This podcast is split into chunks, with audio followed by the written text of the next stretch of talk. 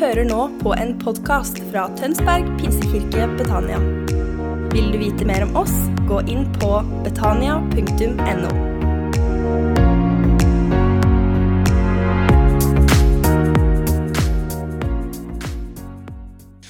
Du, Det er så fint å se deg, og ja, det er sant at jeg har blitt ekte pinsevenn i dag fordi jeg kom med et sangønske rett før gudstjenesten. Og da er man ekte pinsevenn, da. Og hvis det er noen som er i tvil, så Shibre Santo. All right. Så det er en stor dag. Jeg har blitt ekte pinsevenn, og gratulerer alle mødre. Det er ingen av oss som hadde vært her i dag hvis det ikke hadde vært for mødre. Så tusen takk for at dere er de dere er. Og til og med Jesus måtte ha en mor, så det sier litt om hvor viktig dere er. Og jeg hadde heller ikke vært den samme hvis det ikke hadde vært for min mor. For dere, det kan være mange av dere som tror at han der han har fått eh, Guds ord inn med morsmelka og lest Guds ord med kumelka i hele oppveksten. Men jeg, da jeg var ungdom, så valgte jeg å ta litt avstand fra tro fra 8.-9. klasse og i noen år. Eh, Og da var det i andre klasse på videregående så stilte mitt, min mor et eh, veldig, veldig dypt spørsmål, et livsforvandlende spørsmål. For da var jeg på et sted hvor jeg hadde tatt avstand fra tro i en del år. Hadde tenkt at dette vil jeg ikke ha noe med å gjøre, trenger ikke dette greiene her. Jeg skal bli fotballspiller, trenger ikke Gud. Og så opplever jeg det, at livet bare blir verre og verre og verre. Selv om jeg kommer nærmere og nærmere drømmen. Det var ikke en sammenheng mellom det å bli lykkelig og oppnå drømmen. Men da på kveld, en kveld da i andre klasse hvor jeg eh, ligger på senga og gråter, og mamma sitter på sengekanten, så stiller hun spørsmålet Kanskje du skal reise til ungdomsarbeidet på fredag. Og det ble for meg en faktisk en, en, en retningsendring i mitt liv. Så takk, mor. Jeg hadde ikke vært her i dag. Jeg hadde ikke levd hvis det, jeg ikke, ikke hadde vært for hun, for hun. Men jeg hadde heller ikke vært her hvis det hadde vært for henne. Så takk, mamma. Og takk, alle mødre. Du, Vi snakker om denne våren her å gjenoppdage Jesus. Noen av oss trenger å oppdage Jesus. Vi vet ikke helt hvem han er, eller vi har ikke opplevd han før. Så vi trenger å oppdage hvem han er. Mens noen av oss har kjent Jesus i litt flere år, så vi trenger å gjenoppdage han. Fordi Jesus, uansett hvor godt du kjenner Jesus, så er det på en måte mer. Det er mer til Jesus. Det er jo som om på en måte, jo, jo mer du vet om det du ikke vet, så det er på en måte uendelig. Så Jesus han er uendelig, og vi blir aldri ferdig med å oppdage hvem Jesus er.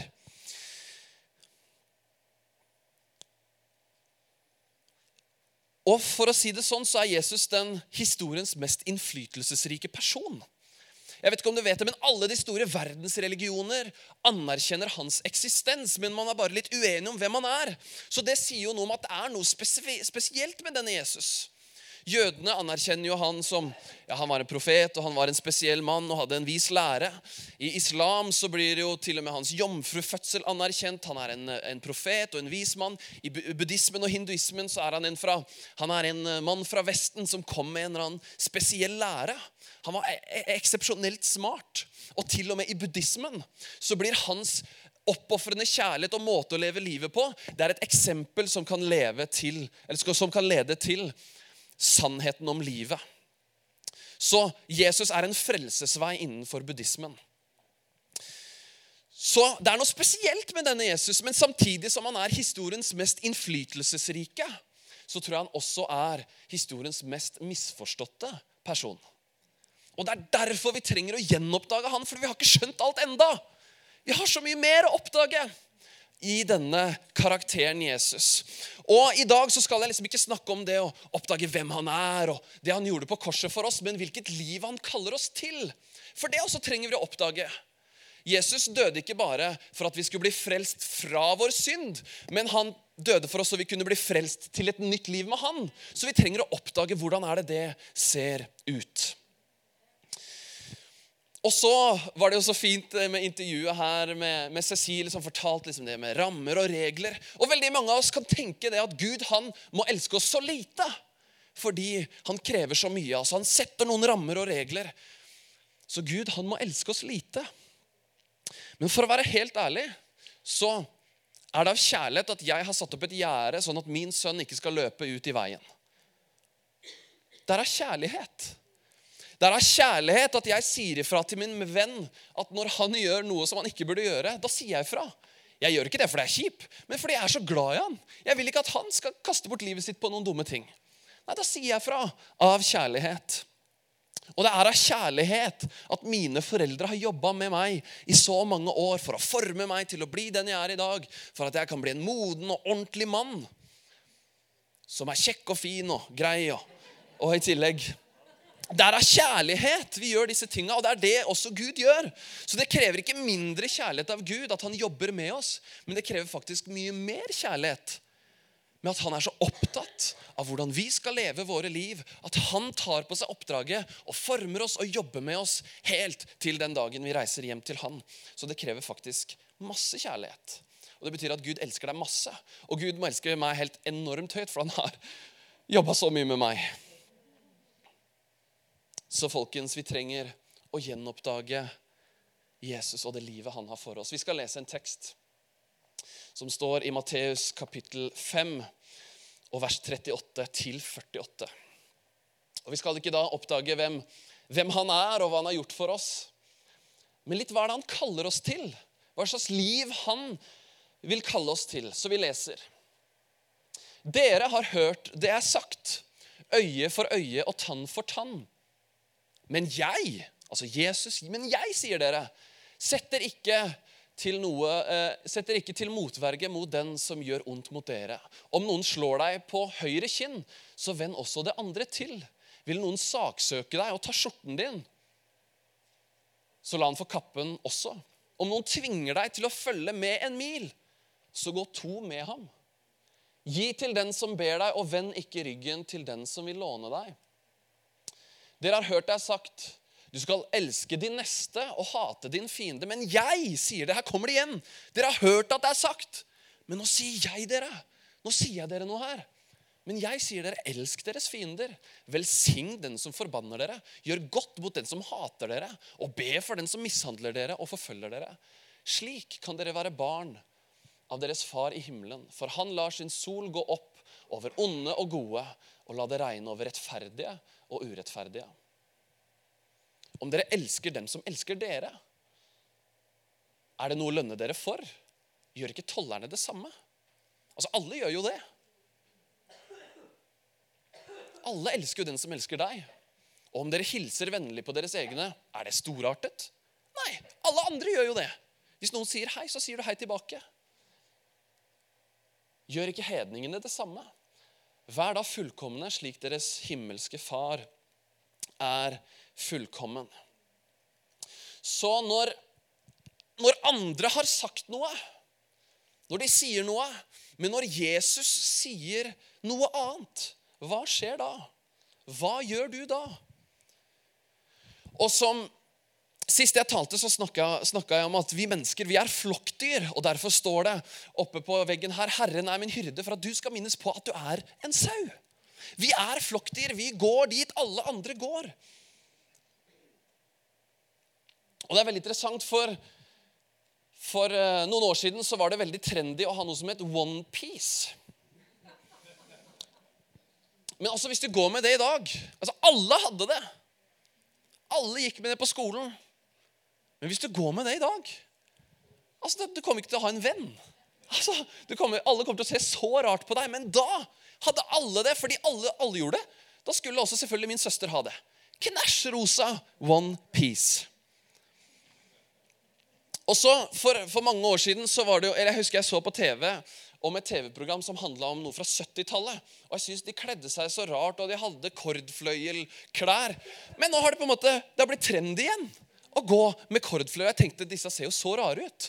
Så hvis du går i kordfløyer her i dag, så enten så er du enormt trendy, eller så har du bare aldri slutta å gå med det. Men vi går, vi går så veldig med strømmen. Vi gjør det alle andre gjør, fordi vi er flokkdyr. Og et enda veldig interessant eksempel. For noen år siden så visste jeg ikke hva avokado var. Altså, Ingen av oss visste hva avokado var. Det kom på en måte en fjern, eller en, en spennende fjern frukt eller grønnsak eller hva enn det måtte være. Og så har det endra noe av det mest erkenorske som vi har, nemlig fredagstacoen. Altså, Nå er det ingen som spiser taco uten guacamole og avokado. Tenk at når det bare blir trendy, når noen begynner å gjøre det, og flere blir med, så gjør alle det. Det er fordi vi mennesker vi er flokkdyr. Og bare for å gi et enda et eksempel Når noen gutter i Asker blir intervjua om de skal ha skoleuniform De blir spurt ja, hva tenker dere om å ha skoleuniform. Nei, det vil vi ikke ha. For det er så veldig viktig å ha sin egen stil. Det er så utrolig viktig å ha egen stil. Og hvis ikke du vet det, så uniform betyr, uni betyr én, og form betyr form. Altså én form. Så vi skal ikke ha én form. Alle skal ikke se like ut, sier disse gutta. Rart nok. Men helt seriøst, hva gjør vi da?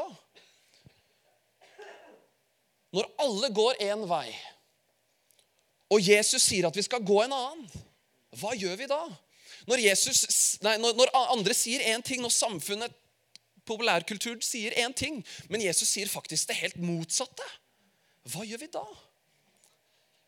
Når strømmen går dit, men Jesus kaller oss denne veien, hva gjør vi da? Og la meg si det sånn at Hvis du ikke er kristen, så har det Jesus sier, det har ingenting å si. Det er totalt uviktig hvis du ikke er kristen. Hvis du ikke tror på han, så er det Jesus sier, du trenger ikke å høre på det, du trenger ikke å by deg om det. Men hvis Jesus er din frelse og din herre, så er faktisk det han sier, det viktigste noen noen gang kan si. Så hvis han er, hvis du er en kristen, så er det Jesus sier, faktisk viktigere enn alt annet. Til og med viktigere enn det mora di sier. Så når de andre har sagt øye for øye, tann for tann Men Jesus sier dere, hva gjør du? Nå skal jeg komme med en av mine one-linere som jeg er så glad i. Det finnes ingen annen kristen uniform enn å være uniform med Kristus.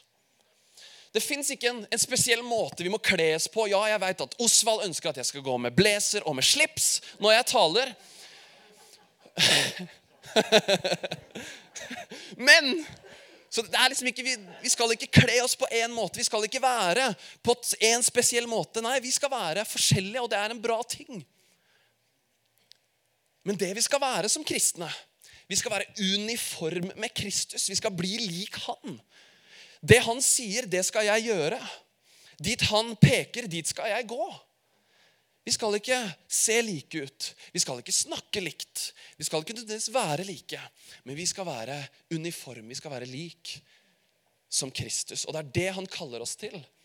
Det er det når vi blir frelst fra synden og evig fortapelse, så kaller han oss inn i et nytt liv med han hvor vi følger han, lever med han og blir mer lik han. Og Dette eksempelet har jeg brukt mange ganger, spesielt i en uh, ungdomsmøtesammenheng. At når Jesus frelser oss La oss se, for deg at du uh, er ute på et hav, og du har dette ut av båten din, båten har blitt ødelagt, og du trenger hjelp. Du holder på å drukne, du holder på å dø. Og Når det kommer en redningsbåt, tar deg med opp i båten, tar et håndkle rundt deg, du blir varm igjen, så er det ikke sånn at du da sier Vet du hva, jeg hopper ut igjen, jeg. Selvfølgelig ikke. Nei, fordi når du da blir redda fra den tilstanden hvor du holder på å dø, så forhåpentligvis blir du tatt med inn på land og inn i en ny tilstand som ikke er så våt. Poenget er når Jesus frelser oss, så frelser han oss ja fra synden og evig fortapelse. Og så frelser han oss til et nytt liv med han, hvor vi ser på hva han gjør, hvor vi hermer etter det han gjør blir mer lik han.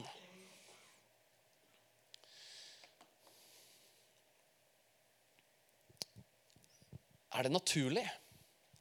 Lever du naturlig, eller lever du bibelsk? Fordi vi lever i en tid hvor, hvor alt skal være naturlig. Altså, Kjærligheten den skal bare komme naturlig. Jeg skal ikke definere noe, den skal bare komme skal bare være naturlig. Den skal bare komme fra hjertet, liksom. Og Man skal bare jobbe på inspirasjon. og Alt vi spiser, skal være vegansk og organisk. og Kua skal ha levd lykkelig alle sine dager og dødd alderdom hvis vi skal spise den. Alt skal være så naturlig. Og Når da Jesus snakker om dette, her, så snakker han ikke om disse naturlige tingene her. Men han på en måte setter litt opp mot hverandre. Hvor bra er egentlig det naturlige i oss? Hvor bra er egentlig det naturlige i oss? Det er jo en grunn til at når, når, når Gud gir israelsfolket loven, så er det for å jeg, jeg viser dere en ny vei. Og når den nye loven kommer i Jesus Kristus, så viser han en ny vei. Ikke følg naturen, naturen ikke følg de naturlige instinktene i deg. Men følg heller meg. For hvis vi er sånne som følger de naturlige instinktene i oss, så er vi jo praktisk talt dyr. Vi gjør jo bare det vi føler for, det vi har lyst på. Det vi har lyst til å spise, det spiser vi. Så hvis vi bare følger våre naturlige instinkter, så er vi jo praktisk talt dyr.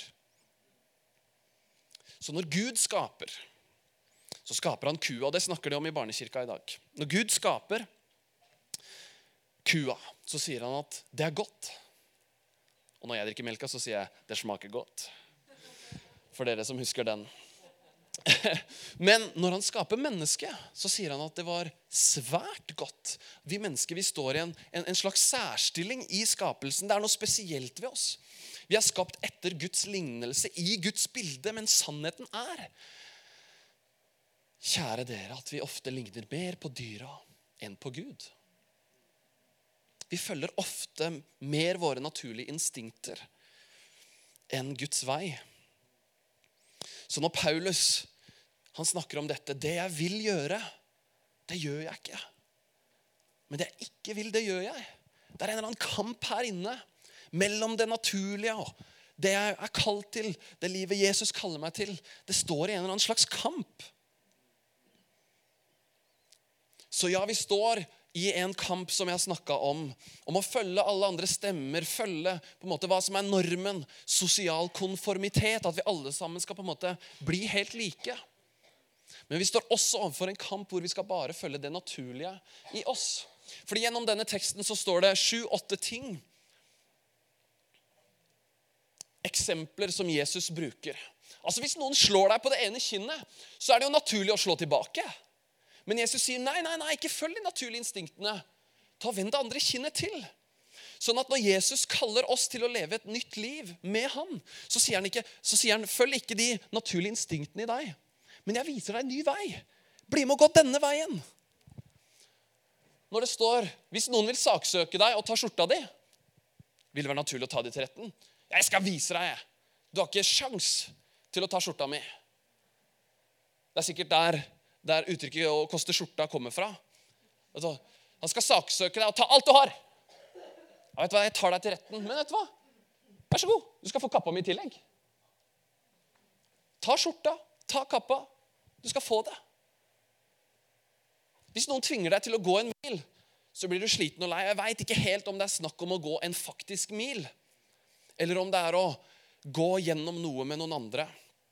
Det å være en god venn er når du har gått en mil og har hørt på samtale, eller eh, praten og følelsene og, og Jeg blir så sliten og lei. Vet du hva? Nei. Jesus kaller oss til å gå en mil til.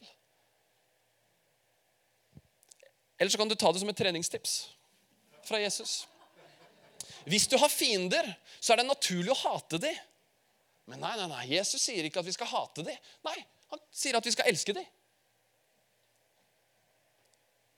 Skjønner dere at Jesus kaller oss ikke til å leve naturlige liv, men han kaller oss til å leve et annerledes liv? Hvis noen forbanner deg, så er det naturlig å forbanne tilbake. Nei, vi skal velsigne, vi. Vi skal velsigne. Hvis noen hater deg, så er det naturlig å gjøre ondt. Nei, vi skal gjøre godt, vi. Så enkelt. Hvis noen utnytter eller forfølger deg, så er det enten lett å bare sånn, åh, det, det orker jeg ikke mer, og, og bare kapitulere. Eller å gjengjelde. Betale med samme mynt. Nei, vi skal be for dem. Skjønner dere? Ser dere bildet? At Jesus han kaller, eller frelser oss også til noe, til å leve et annerledes liv.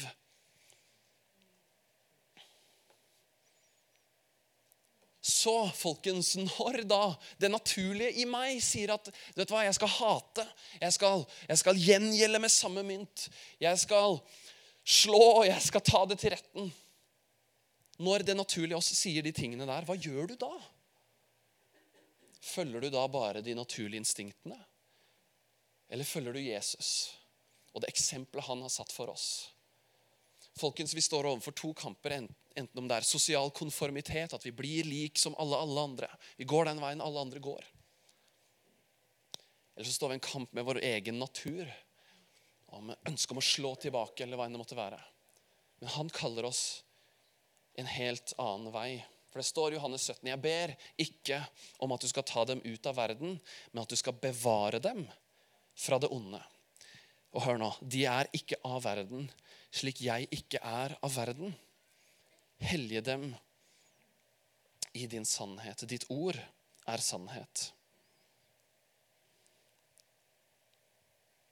Når vi tar imot Jesus, blir født på ny, så er vi ikke lenger født av kjøtt og blod, men av Gud, av ånd. Vi er ikke lenger av denne verden, slik Jesus ikke lenger er. Slik Jesus ikke er av denne verden. Men vi er fortsatt i verden, dere. Vi står overfor disse kampene.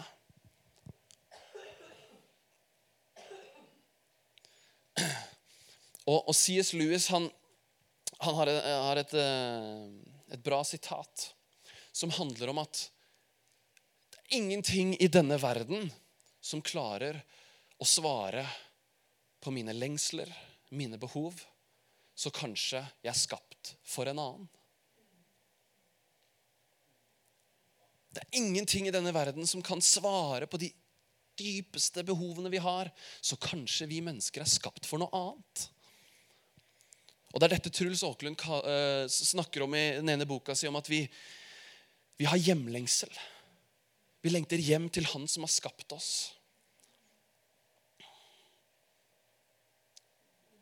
Og Så elsker jeg det å avslutte med Hellige dem i sannheten, og ditt ord er sannhet. Altså, Vi skal helliges i sannheten. Vi skal helliges i ordet. Og hva er det ordet 'hellig' betyr? Jo, det er å være satt til side for en høyere hensikt. Vi er helliget i ordet. Det er bare ordet som kan hellige oss.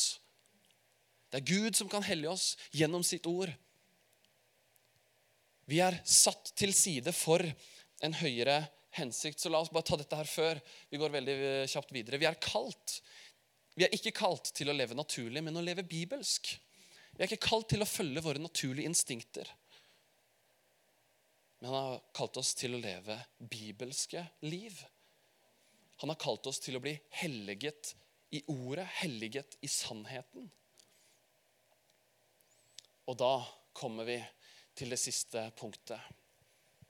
Han har kalt oss til annerledeshet, å leve annerledes liv i forhold til det alle andre gjør. For det står i da vers 45.: Slik skal dere være barn av deres far i himmelen. Det skal være kjennetegnet. Når dere gjør alle disse tingene og ikke følger de naturlige instinktene, men når dere følger meg, når dere ikke lever naturlige liv, men bibelske liv, da skal folk skjønne at dere er Guds barn. Da skal de skjønne at det er noe spesielt med deg. Du skiller deg ut i mengden. Du snakker annerledes. Du, du bruker tiden din annerledes. Du lever annerledes. Så vi trenger, når vi går ut i verden, så, når vi gjør disse tingene, så trenger vi ikke å forkynne Guds ord. Fordi vi lever Guds ord. Og Det er en av disse tidlige kirkefedrene som sa det at gå ut og forkynn evangeliet og bruk ord om nødvendig. Sånn at når vi gjør alle disse tingene, så skal folk skjønne at vi er barn av deres far i himmelen.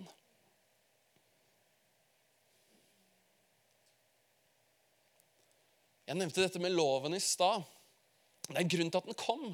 Nemlig fordi at Guds veier er over våre veier, som det står i Jesaja 55. Guds tanker er over våre tanker. Det forteller noe om at ok, Gud har en annen vei for livet. Han har en annen måte å gjøre ting på enn vår natur. Så vi er kalt ikke til å leve etter våre veier, men hans veier. Vi kalles til å leve annerledes. Og hvor annerledes kan lys være fra mørket? Altså Det er den største kontrasten som går an. Så vi er kalt til å være lys i mørket. Vi er ikke kalt til å være som alle andre. Vi er kalt til å leve annerledes. Vi er kalt til å være en velduft i en ellers stinkende verden. Vi er kalt til å leve annerledes, dere. Så la meg spørre, hva slags evangelie er det livet ditt forteller? Ikke orda dine, men hva slags evangelie er det ditt liv forteller? Når du møter kollegaer på jobben, elever som du går i klasse med, venner som du møter på, på fritidsaktiviteter, hva enn det måtte være, alle mennesker du møter, hva slags evangelie forteller livet ditt? For dersom vi er som fariseerne, at vi, vi sier én ting og gjør en annen ting, så forteller vi egentlig at evangeliet og den troen vi har, den har ingen kraft. Ja, er Jesus er fantastisk, vet du, men han er ikke fantastisk nok til å forandre livet mitt. Det er det vi forteller hvis vi sier en ting og lever ikke etter det. For da er vi mer lik alle andre. Så folkens, vi må, før vi i det hele tatt tar for oss og skal prøve å leve lik Jesus, så må vi møte Jesus. Så må vi kjenne Jesus. Og jeg tror at ett møte med Jesus det kan forvandle liv, det kan snu ting opp på hodet i et øyeblikk. Så la, hør meg rett nå. Du må ikke starte med å prøve å leve, leve, likt, og så at du skal på en måte gjøre deg fortjent. Nei, Troen vår er helt, helt, snudd på hodet i forhold til det. Alle andre religioner handler om at du må leve på en viss måte for å komme deg til Gud. Mens vår tro handler om at Gud har kommet ned til oss for å gjøre det vi ikke klarte. Og vår respons er da at vi ønsker å følge ham, leve med han, leve og bli lik som han. Frelse først. Og så liv etterpå. Og så gjerning. Og derfor mitt favorittsitat, kanskje som jeg har hørt så langt. The more you understand how your salvation isn't about your behavior, the more radically your behavior will change. Altså, jo mer og mer du forstår at din frelse ikke handler om at du har gjort gode gjerninger og gjort deg fortjent til det, jo mer kommer du til å radikalt forandre din oppførsel. Så når vi får møtt Jesus og skjønner at vet du vi er frelst av nåde Jeg har ikke gjort meg fortjent til det i det hele tatt. Det måtte en Gud til på en måte, for at jeg skulle bli frelst. Da kommer det, Når vi skjønner det, så kommer det radikalt til å forandre måten vi lever på. Jeg leser en bok nå for tiden som handler om ungdommer som brant i ungdomstida, men som forsvant. At de forlot troa. Og Han ene sa det at eh, Grunnen til at han ikke lenger trodde, var fordi at de kristne de sa én ting, men de gjorde en annen. De levde ikke opp til det de sa. Og han da var ganske krass mot kirkekaffen. Hvordan kan kristne ha kirkekaffe? Etter de har hørt evangeliet om Jesus Kristus. Og Hvis det er så viktig, og hvis det er så Hvis det skal redde verden, hvorfor de hele tatt sitter de der etterpå og har det koselig i kirkekaffen? Hvis de virkelig tror på de greiene her, hvis det virkelig er ekte, hvis de ikke bare sier masse ting, men hvis de også gjør det, så kommer kirka til å løpe ut dørene og dele det til alle de måtte møte. Da slutter man med kirkekaffe, og så deler man det til alle man møter.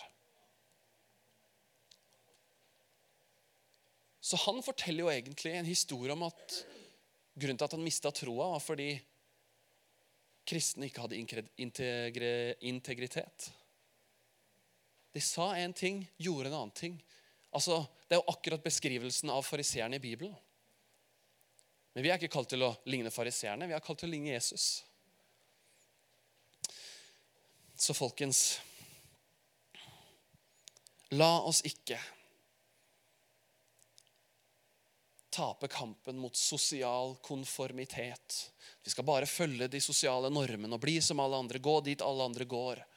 La oss heller ikke tape kampen mot våre naturlige instinkter, men la oss følge Jesus. La oss følge det han sier. For hvis han virkelig er vår Herre, hvis han virkelig er vår frelser, så er det han sier, det viktigste som noen gang har blitt sagt. Så når andre sier noe, men Jesus sier noe annet, vet du hva? da trumfer det. Da er det tungen på vektskåla. Hvis Jesus uttaler seg om det, sorry, da er det samme om du er presidenten av universet. Fordi presidentenes president har sagt noe annet. Så folkens, det finnes ingen kristen uniform annet enn å være uniform med Kristus. Vi skal bli lik Kristus. Og lever vi nå da naturlig eller bibelsk? Nei. Når vi kalles til å bli mer lik Jesus, være uniform med Jesus, så kaller, han oss ut av det naturlige og inn i det bibelske. Vi er kalt til å leve bibelske liv, og det skal være kjennetegnet på oss. Da skal folk skjønne at vi er Guds barn, fordi vi lever annerledes. Vi lever annerledes livet. Lovsangsteam, dere kan komme opp.